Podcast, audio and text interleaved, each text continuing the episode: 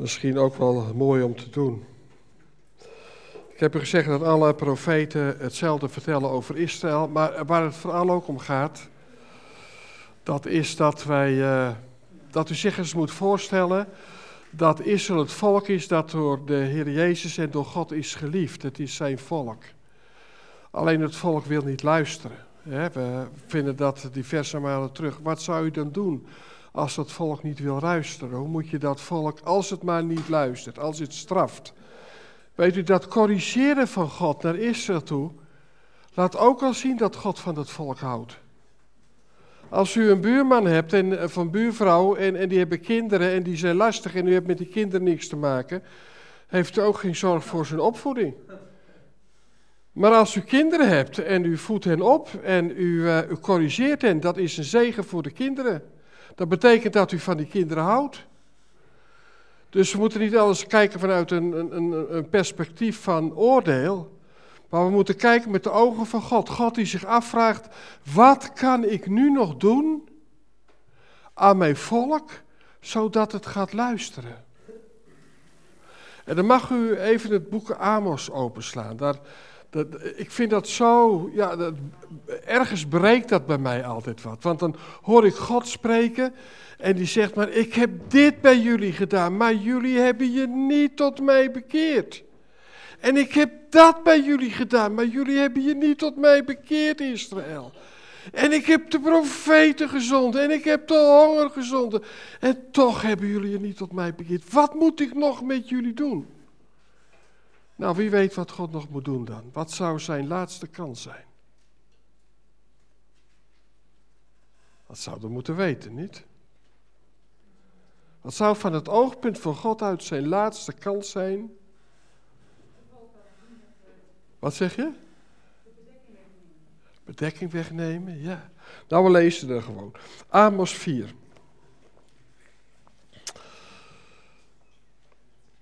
Dan stel je bijvoorbeeld in vers 10, ik heb onder u de pest gezonden, en dan heb je het weer, zoals in Egypte. Weet wel, ze zouden de plagen van Egypte terugkrijgen. Ik heb uw jonge manschappen met het zwaard gedood bij het buitmaken van uw paarden en de stank van uw legerplaats deed ik opstijgen in uw neus. En toch hebt gij u niet tot mij bekeerd, luidt het voor de zeren. Ik heb onder u een omkering aangericht, zoals God, gelijk God Sodom en omgekeerd heeft de steden verwoest, zoals bij Sodom en Gomorra, zodat gij gelijk zijt geworden aan de brandhout uit het vuur gerukt, en toch hebt gij u niet tot mij bekeerd, luidt het woord des Heren. Daarom zal ik u al dus met u doen, o Israël. Omdat ik dan dit met u doen zal, bereid u om uw God te ontmoeten, o Israël. Dit ga ik doen. Ik ga met jullie in het gericht treden. Bereid u om uw God te ontmoeten, o Israël. Want zie, hij die de bergen formeert en de wind schept en de mens te kennen geeft wat zijn overleg is, die de dageraad tot donkerheid maakt en voortschrijdt over de hoogte der aarde. Heere God der Heerscharen is zijn naam Israël. Jezus komt. Ik kom terug. Als alles niet helpt, bereid je voor om je God te ontmoeten. En uh, wat gebeurt er namelijk? Wat is er aan de hand? Als we kijken naar, naar, naar nu, dan zien we profetieën in vervulling gaan. En die profetieën vertellen dat Israël omringd zal worden door mensen die de leugen spreken. En dat ze daar niet uitkomen. Is momenteel ook het probleem binnen Israël. Ze kunnen proberen, wat Israël zegt, dat doet er eigenlijk al helemaal niet meer toe. Het wordt toch niet meer geloofd onder de volkeren. Het eigenaardige is, de Bijbel spreekt er ook over, dat de bedekking van Israël wordt weggenomen en dat God die zal gaan leggen over de volkeren heen. En de, de, de naties, de Verenigde Naties, ze zien het niet meer. Maar een land, denk nou eens, laten we eens goed nadenken. Mensen die zeggen dat de Holocaust niet is geweest, dat er geen 6 miljoen Joden gedood zijn. Die zeggen dat er nooit een tempel in Jeruzalem heeft gestaan. dat, dat ook David nooit een koninkrijk heeft gehad in Israël. Mensen die alles, alles ontkennen, die alleen maar liegen, liegen, liegen. Die liegen over de historie, die liegen over de dingen die nu gebeuren. Die constant aan het liegen zijn, die liegen ook helemaal niet erg maken. Die van, van liegen juist een bepaald product gemaakt hebben, waardoor ze ja, alles kunnen verbergen. Die constant niet de waarheid spreken. En, waar Israël, en, ze worden geloofd door de volkeren. Diezelfde volkeren die weten dat het de holocaust geweest is, die geloven wel dat Israël liegt als Israël zegt dat ze wordt aangevallen en dat ze raketten terugschieten, dat er vanuit ziekenhuizen raketten op hun wordt geschoten enzovoorts. En de Bijbel zegt dat. Ze worden dus omringd door de leugensprekers. Maar dat is in de Bijbel ook het begin als Israël geen uitweg meer ziet, dat Israël zal gaan roepen. Psalm 120, Psalm 120, daar beginnen, dat zijn de psalmen van de opgang.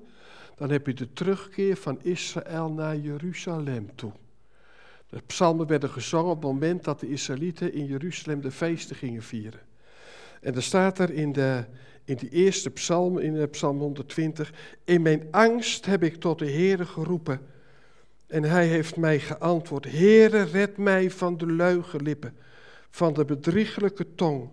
Te lang reeds woon ik bij wie de vrede haten. Ik ben een en al vrede, maar als ik spreek, dan zijn zij uit op strijd. Israël komt tegenover alle volkeren te staan en alle volkeren tegenover Israël. Ze zullen naar Jeruzalem optrekken. En God kijkt toe vanuit de hemel. En God gaat zeggen, hoe komt het, hoe is het mogelijk dat er niemand is die het voor dit volk opneemt?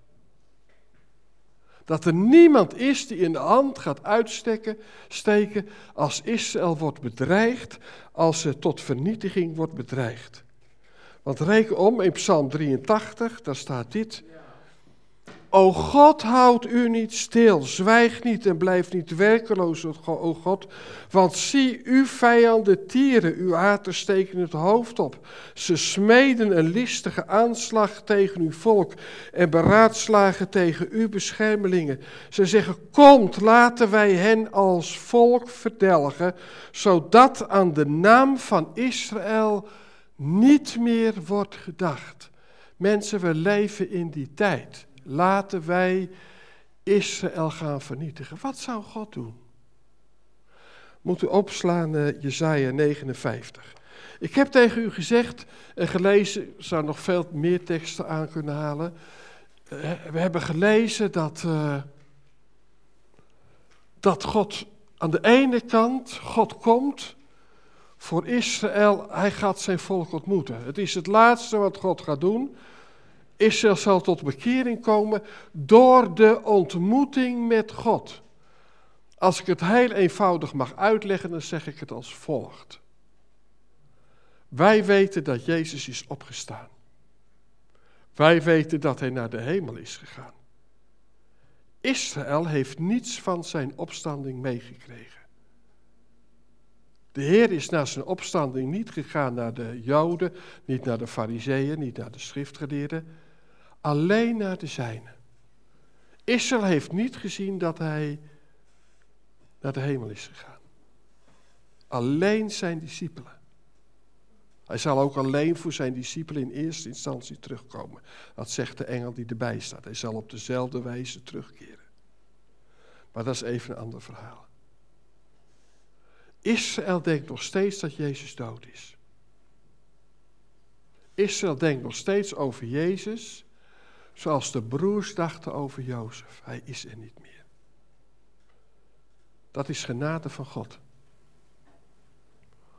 Want als Jezus nu terugkomt naar Israël om zijn werk te hervatten, af te maken, dan begint dat bij het kruis.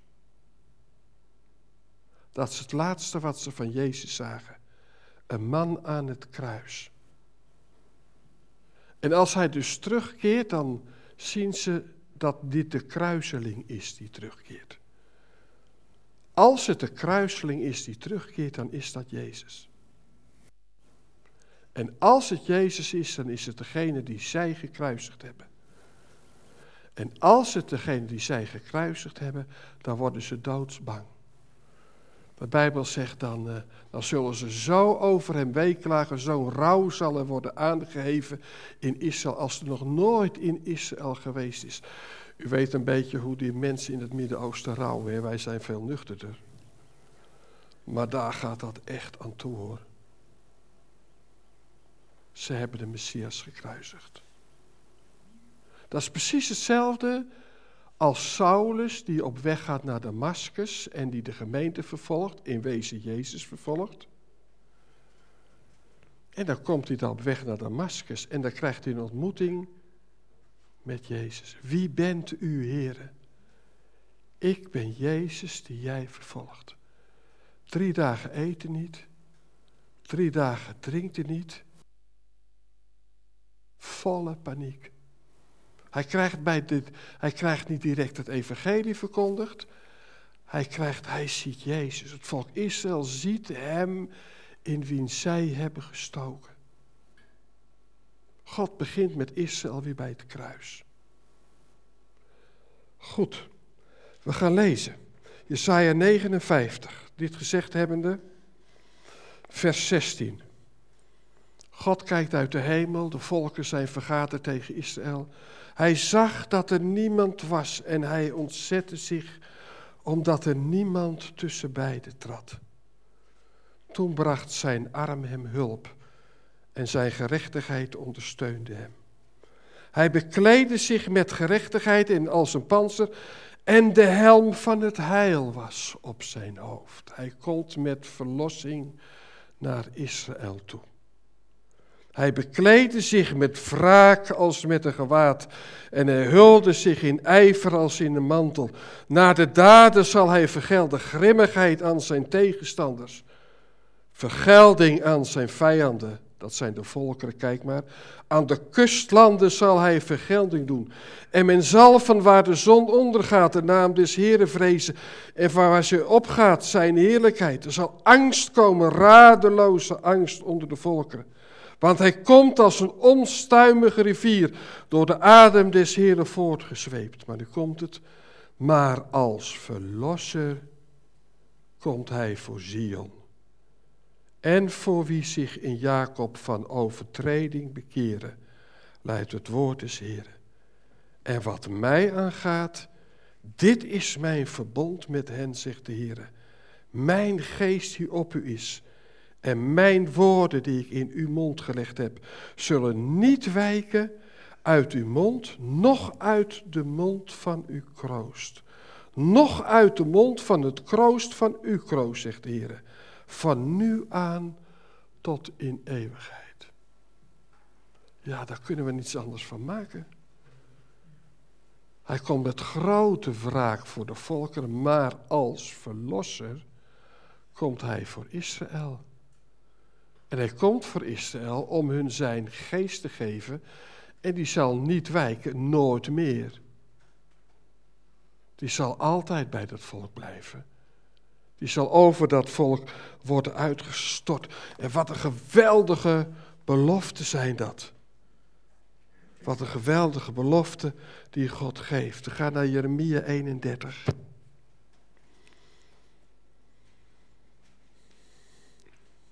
En ik zeg u ja, degene die een beetje Israël volgen, die, kennen eigenlijk al die teksten wel, maar het is wel goed dit even met elkaar te lezen. Jeremia 31, vers 31. Zie de dagen komen, luidt het woord des Heren, dat ik met het huis van Israël en het huis van Juda, we hebben het dus over twaalf stammen, hè? Er zijn er nog niet alle twaalf, maar daar maken we ons geen zorgen om. Een deel is er alweer terug, alweer teruggekeerd. Ze zijn verstrooid onder de volken, maar we hebben gelezen dat God hun uit de volkeren weg zal halen. Dus al die twaalf stammen zullen weer tevoorschijn komen. En dan lezen we het. En uh, een nieuw verbond sluiten zal. Niet zoals het verbond dat ik met hun vaderen gesloten heb. Ten dagen dat ik hen bij de hand nam om hen uit het land Egypte te leiden. Mijn verbond dat zij verbroken hebben. Hoewel ik heer over hen ben, luidt het woord des Heren. Maar dit is het verbond dat ik met het huis van Israël, niet met ons, maar met het huis van Israël sluiten zal. Wanneer? Na deze dagen. we lazen in het Nieuwe Testament dat, dat Petrus het ook telkens zegt. Uh, hierna zal ik de vervallen hut van David weer opbouwen. Na deze dagen luidt het woord des Heren. Ik zal mijn wet in hun binnenst leggen en die in hun hart schrijven. Ik zal hun tot een God zijn en zij zullen mij tot een volk zijn. Dan zullen zij niet meer in ieder zijn naast en in ieder zijn broeder leren, kent de Heer, want allemaal zullen ze me kennen. Van de kleinste tot de grootste onder hen luidt het woord des Heren. Want ik zal hun ongerechtigheid vergeven en ik zal hun zonde niet meer gedenken. Is dat helderder? Daar kun je toch niet wat anders van maken. Er komt een verlossing, er komt een vergeving hè, voor dat volk. En als Daniel uh, aan, God vraagt en zegt, Heer, wat is de toekomst van mijn volk? Dan zendt God de engel Gabriel. Hè? U, u, moet zich voorstellen die geschiedenis. Daniel staat daar en hij, hij is daar en hij bidt tot God en zegt, oh God, wij hebben uw verbond verbroken. Uw volk heeft niet naar u geluisterd. Wij hebben het, ik beleid de schuld van mijn volk. O Heere God, treed toch alstublieft op ten, behoeve van uw volk. Denk eens aan al die teksten in, in de Bijbel. Die oud-testamentische teksten. Oh, dat u de hemel scheurde, dat u neer zou dalen ten behoeve van uw volk. Denkt u dat God niet zou komen? Denkt u dat de Heer Jezus in de troon van zijn vader zou blijven zitten? Denk niet dat hij zou zitten popelen om naar zijn volk te gaan? Hij is de koning van dat volk. Als Pilatus hem vraagt, bent u dan de koning? Dan zegt de Heer Jezus, daartoe ben ik geboren. Dus hij zal komen. Bereid u voor Israël om uw God te ontmoeten. Want hij komt. Dus, we lezen dat hier. In Jeremia 31. Hun zonde zal ik niet vergeven. En als Daniel dan, uh, als Daniel dan bidt tot God. Dan, dan komt uh, Gabriel bij hem. En die geeft hem inzicht in Gods plan met Israël. En dan zegt hij, 70 weken zijn bepaald over uw volk. Dat is voor sommigen ingewikkeld. Ja? Hoe vers 36 van Jeremia 31? Vers 36. Want ik zal hun ongerechtigheid vergeven en hun zonde niet meer gedenken. Dat bedoelt u? Nee, Jeremia 31, vers 36.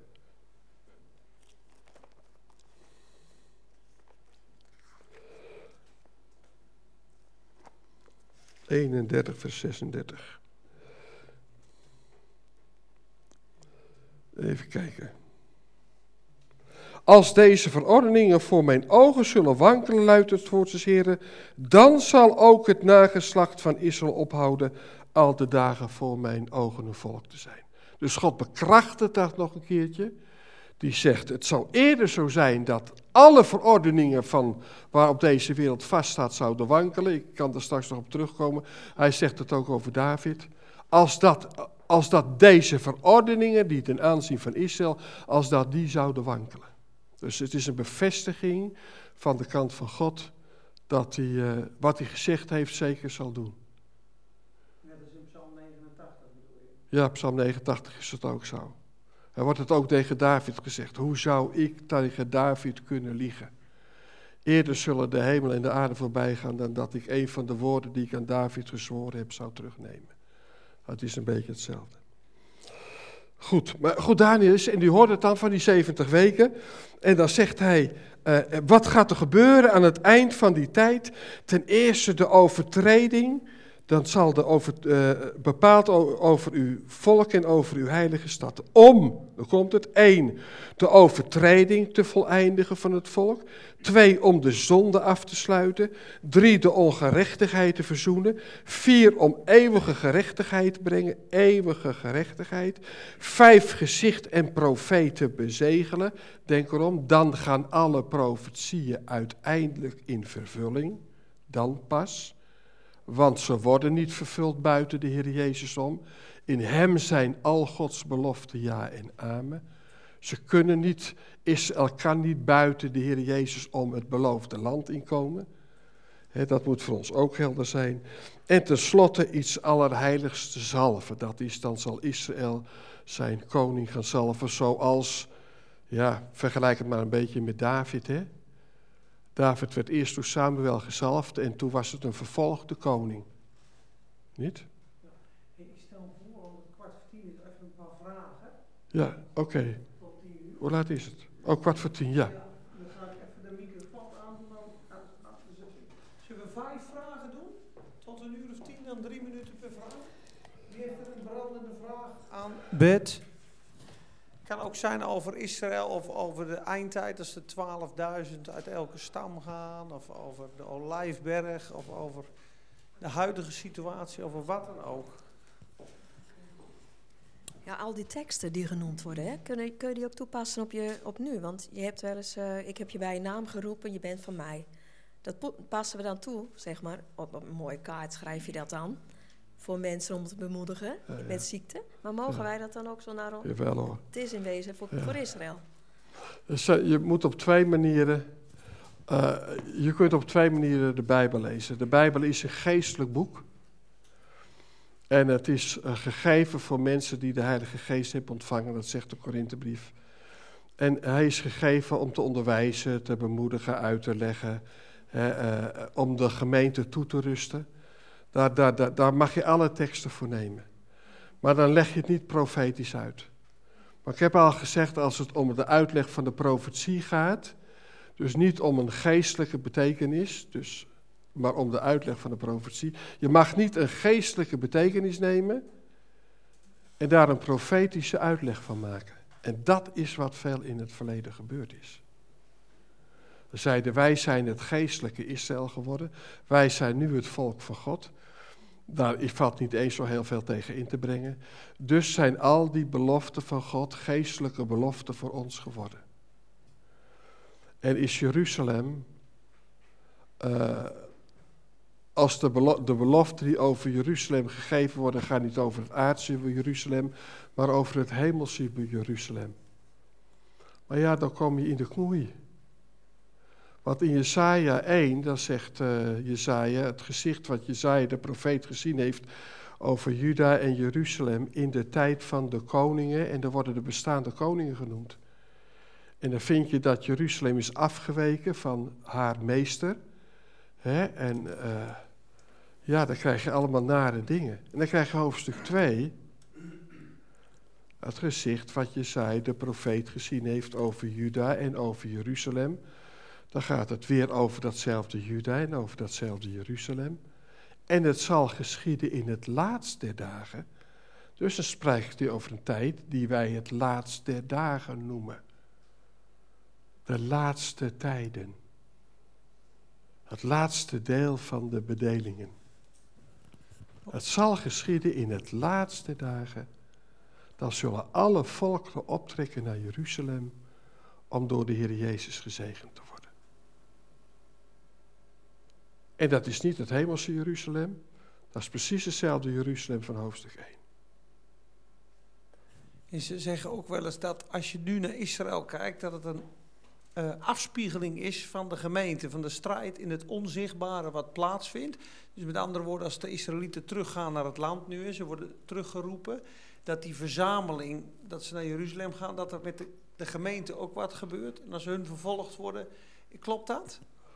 Nee, uh, Dus dat Israël is eigenlijk een beetje de thermometer in de zichtbare Nee. wereld voor wat, wat er in, de, in het geestelijke Israël gebeurt. Klopt dat? Nou, Israël is vooral, kijk, eh, de Heer Jezus zegt eh, in zijn tijdreden in Lucas 21 en Matthäus eh, vij- eh, 24, daar zegt hij van, eh, let op de vijgenboom.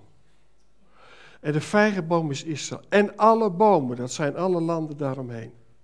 Als je Psalm 83 leest, van die leugensprekers, weet u, dan vindt u ook al die landen die om Israël heen zijn. Maar goed, dus de Jezus zegt, let op de vijgenboom. Als die weer begint uit te botten, dan weet u dat mijn komst nabij is. Dus de Jezus zegt vooral dat we moeten kijken naar Israël. Dus Israël is een, een tijd lang, twee eeuwen lang, een hele dode, dorre natie geweest. Het is altijd overheerst geweest. Er is geen Joodse regering geweest tot 1948. Al ver voordat de Heer Jezus kwam, want toen Jezus kwam, toen, toen, lag het ook al onder het Romeinse gezag. Dus de tijden van de heidenen beginnen al ver voordat de Heer Jezus komt. Maar zegt de Heer Jezus in Lucas 21, het zal vertrapt worden totdat de tijden voor de heidenen zijn vervuld.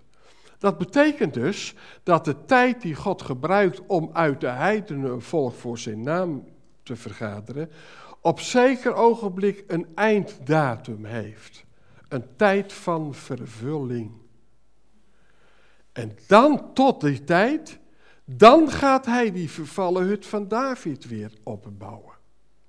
Dan krijg je de vervulling van al die profetieën. Dus er zit een soort tussenruimte tussen, waar het Oude Testament niet over spreekt.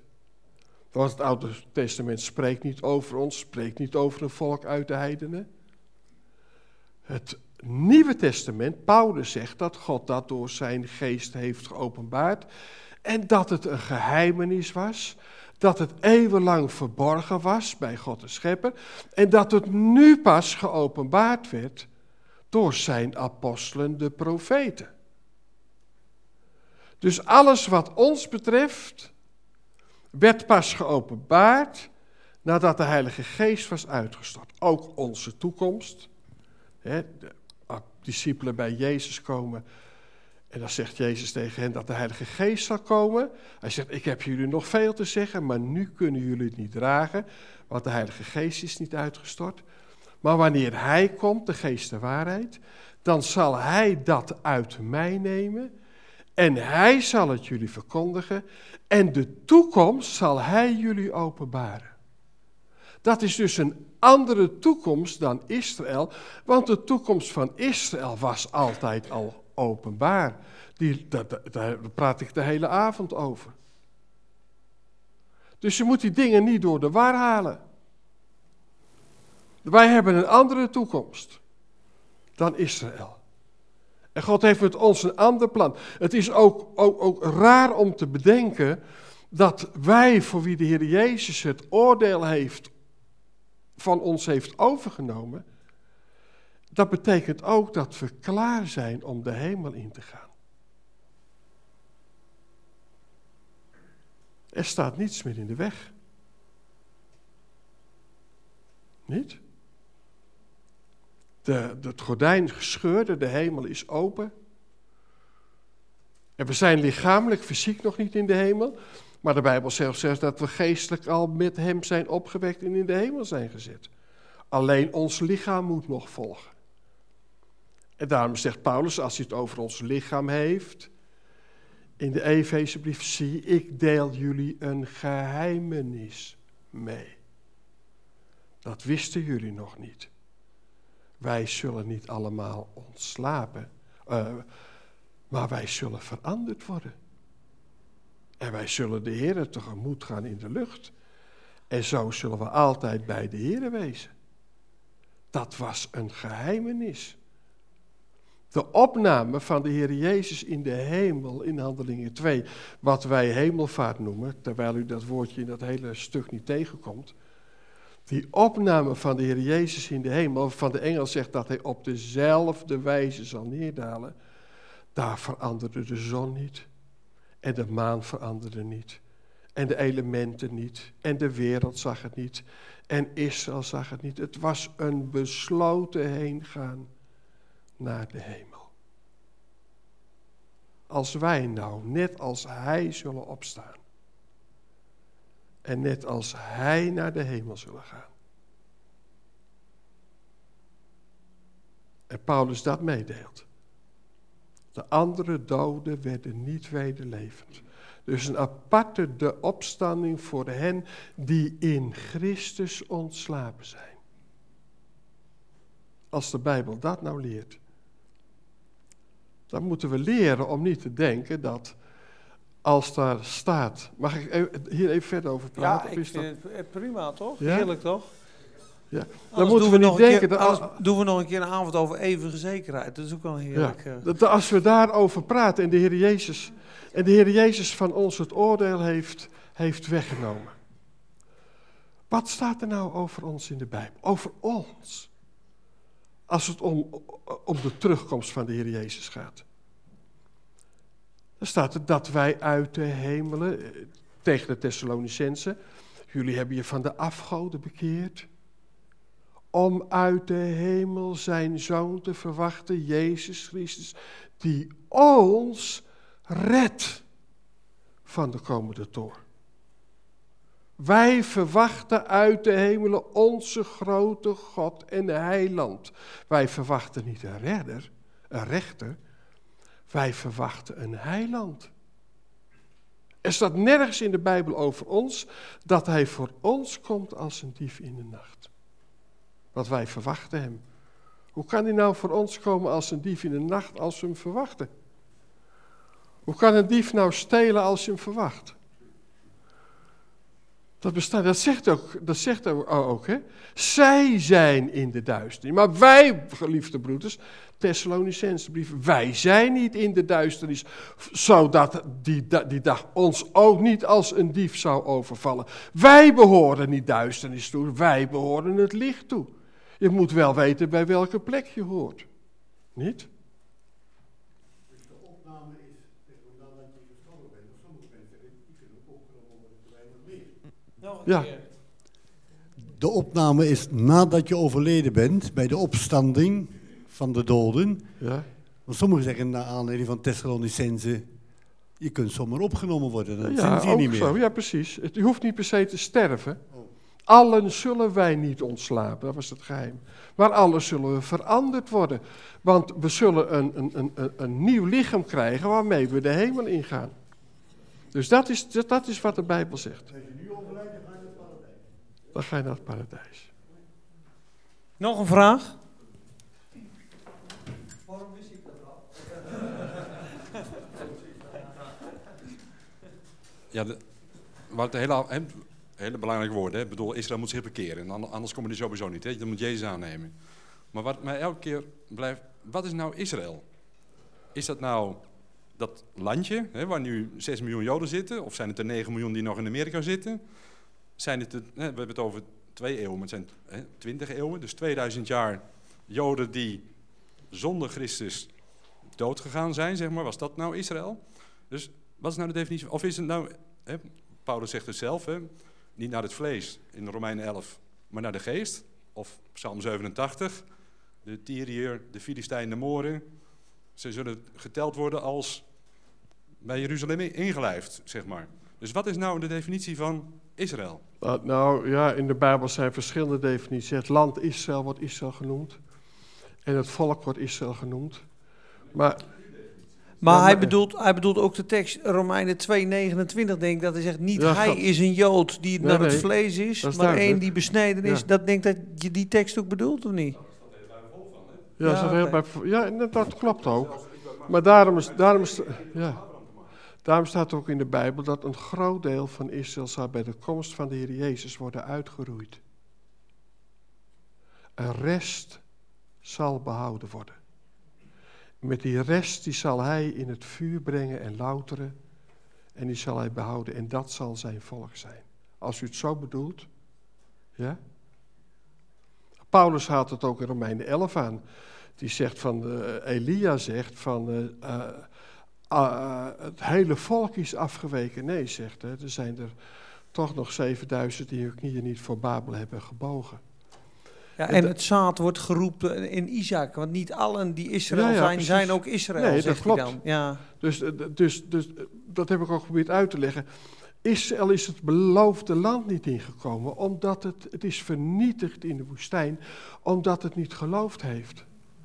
Dus als je het heel duidelijk eh, eh, zou zeggen, eh, heel, heel, heel eh, eenvoudig, dan zeg je, er zal uit alle, de, alle stammen van Israël, zal een deel tot geloof komen in Jezus Christus. Dat is het ware Israël. Maar het is toch voor een deel ook al gebeurd? hè? Ik bedoel, dat zegt Paulus ook in Romeinen 11, hè, vers 1. Hè, van- het- u- u stopte bij het, oh, sorry.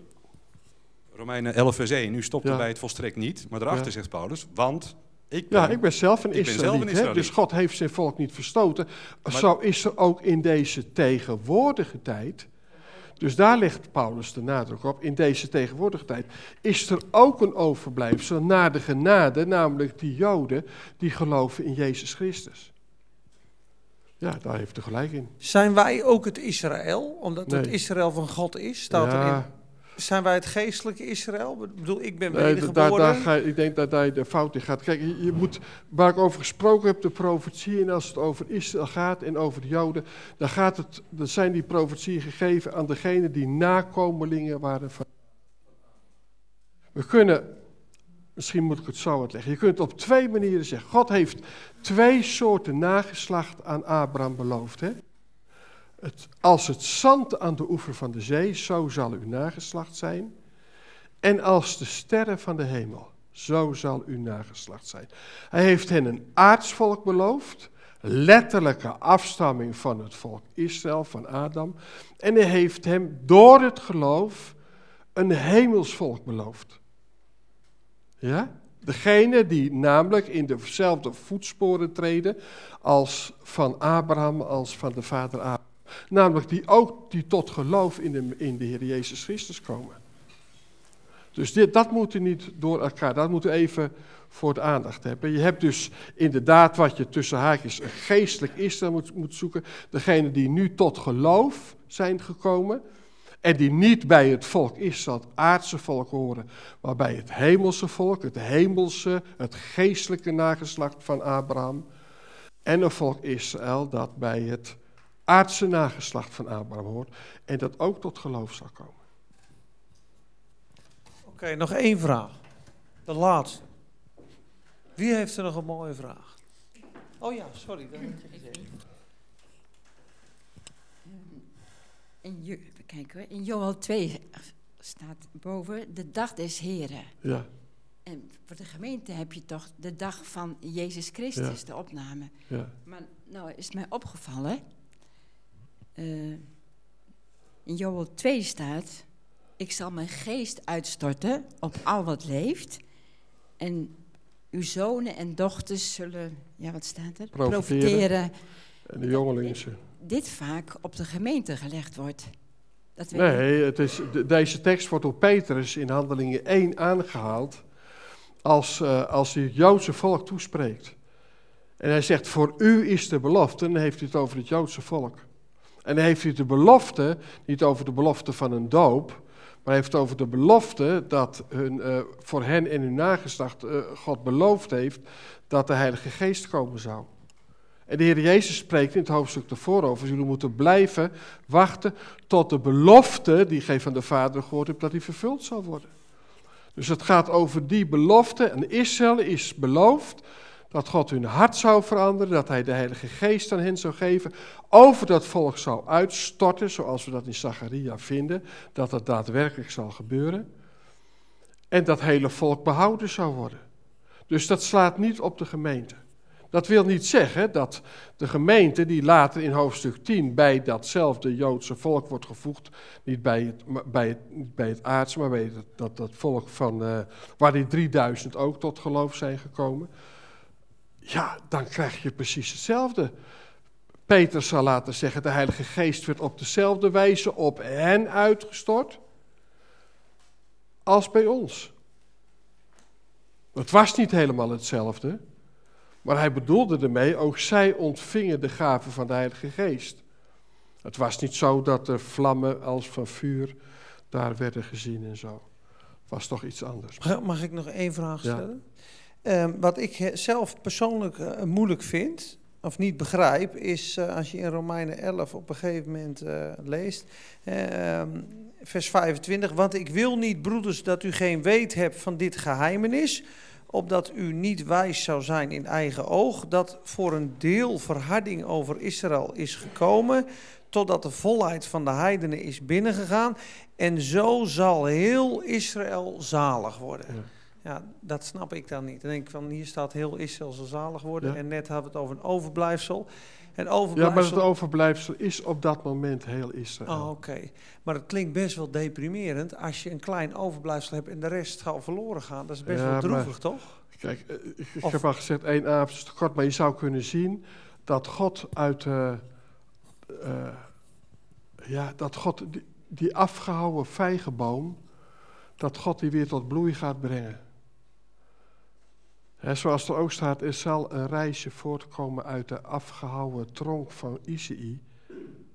Dus helemaal afgehouwen, die tronk van Isaïe. En dat zal vrucht dragen. Dan gaat het dus niet alleen om de Heer Jezus, die dat reisje is, maar ook om de vrucht die Hij gaat voortbrengen voor Israël. Dus God kent de zijnde van tevoren en dat is Israël. God kent de zijnde van tevoren en God doet dingen die in onze gedachten onmogelijk zijn. Degenen die de profetie weten, die weten dat, eh dat Ezekiel 37 een heel belangrijk hoofdstuk is. Daar zie je een, een dal met allemaal dorre doodsbeenderen. En dan zegt God, eh, vraagt God aan eh, de profeet, kunnen deze beenderen herleven? Ja, dan zegt die profeet wat wij ook zouden gezegd hebben, u weet het. En dan zegt hij, ga profiteren tegen die dorre doodsbeenderen. En dan komt er een- huid op en er komt vlees aan en er komt een geest in. En eh, ze worden bij elkaar gevoegd. En dan zegt, eh, zegt God, dit is het hele huis van Israël, alle twaalfde stammen. Ik zal ze weer bij elkaar voegen. Ik zal vlees over hen leggen, ze zullen weer één natie worden. En ik zal hen weer een geest geven. Dat is Gods werk. Dus, dus heel Israël zal behouden worden, maar het gaat door vuur heen. Het eh, zal door God gesift worden. Zal een, eh, ja, Het is, ja, Iedereen zich op Israël richten en tenslotte zullen ze gered worden. Want dan, ja. na, na, zeg maar, na het duizendjarig rijk dan zal er nog een tijd van verdrukking komen, de grote Ja. verdrukking. En dan komen ze dan ook de voor duizend jaar. grote Armageddon. Maar goed, we, ik denk dat we het hierbij moeten laten, want anders eh, dan eh, krijgen we te veel vragen. Maar inderdaad, eh, best moeilijk om dat in één avond te proppen. Voor mij mag je nog twintig keer terugkomen, dus zo de heren wil. Maar nou, ik, ben, ik ben Bert tegengekomen toen ik hier naar de reddingsark ging. En toen had hij over Psalm 87 een woord. Over de getelden, ben je bij de getelden. En volgens mij ging het nog naar nummer 20. ja, die jongen. ja, ja. Ja, ik vond dat een prachtig woord. We hebben een afspraak gemaakt, omdat ik die eeuwige verlossing, die eeuwige zekerheid is zo'n grote zegen. En eh, ik, ik heb de vragen aangesteld over bed. En toen, eh, nou ja, toen kenden we elkaar een beetje en af en toe bellen we. En eh, nou, over de doop hebben we ook wel eens gesproken. Dus misschien gaan we ooit, zo de heren willen, zitten een avond over de doop doen. Of over de eeuwige verlossing. Dat zou prachtig zijn. Maar weet je, we leggen het maar gewoon in Gods hand. En als er meer honger is voor, eh, voor nog een Israëlavond, eh, dan heel graag. En je bent uitgenodigd door de eh, oudsten van de Lighthouse om een keer te komen spreken. Dus wouden ze, of ik dat vanavond aan je zou vragen. Nou, is- dat is goed. Dat, Ja. even kijken, maar op je zondag. agenda is aardig vol, denk een ik. zondag. Ja, op zondag. Ja, Ja, dan zitten we ja. in 2018. Ah, Dus- joh. ja, echt waar een Ja, beetje. je gumt, je gumt, je gumt, we, we, bid- we bidden gewoon dat er een ruimte komt. Dat komt goed. Nou, in ieder geval, iedereen hartelijk bedankt. Eh, wil jij met ons danken? Ja, dat we de Ja. Heer danken. Dan sluiten we af. Ja. Ja, vader, we willen u zo danken dat eh, uw gedachten altijd eeuwig zijn. En dat eh, uw gedachten niet onze gedachten zijn. En niet de gedachten zijn van eh, wat wij denken, wat zou moeten gebeuren met Israël. Het is uw oogappel. U heeft het lief gehad. En u trekt met dat volk op. En dan beseffen ze dat zelf niet, Heer Jezus, dat u de koning bent. Eh, eens zal dat toch gebeuren. En in die tussentijd dan eh, mogen wij tot geloof in u komen. U die onze Heer bent en u die onze heiland en verlosser bent. En die ook voor ons naar het kruis wilde gaan, omdat God het gezegd had, het is te weinig, te gering dat u alleen zou sterven voor de zonde van Israël. Zie, ik ben, breng mijn licht over alle volkeren. En eh, Vader, daar willen we u zo voor danken, dat we in ons leven u hebben mogen ontmoeten. Dat we de Heer Jezus hebben mogen ontmoeten. Dat Dat het werkelijk waar is wat de Bijbel zegt, dat zijn geest in onze geest getuigt dat we een kind van God zijn. En dat alles anders is geworden, dat u ons nieuw leven hebt gegeven.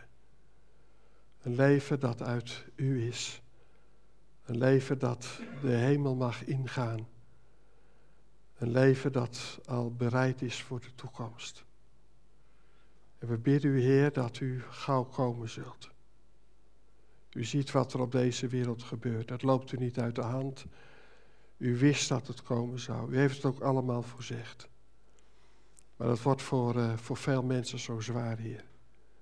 En daarom verlangen we naar uw komst. Kom spoedig, Heer Jezus. De geest en de bruid verlangen naar. Kom, Heer Jezus.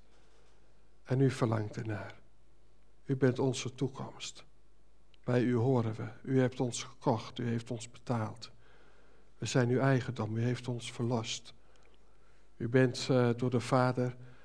Wij zijn door de Vader aan u gegeven.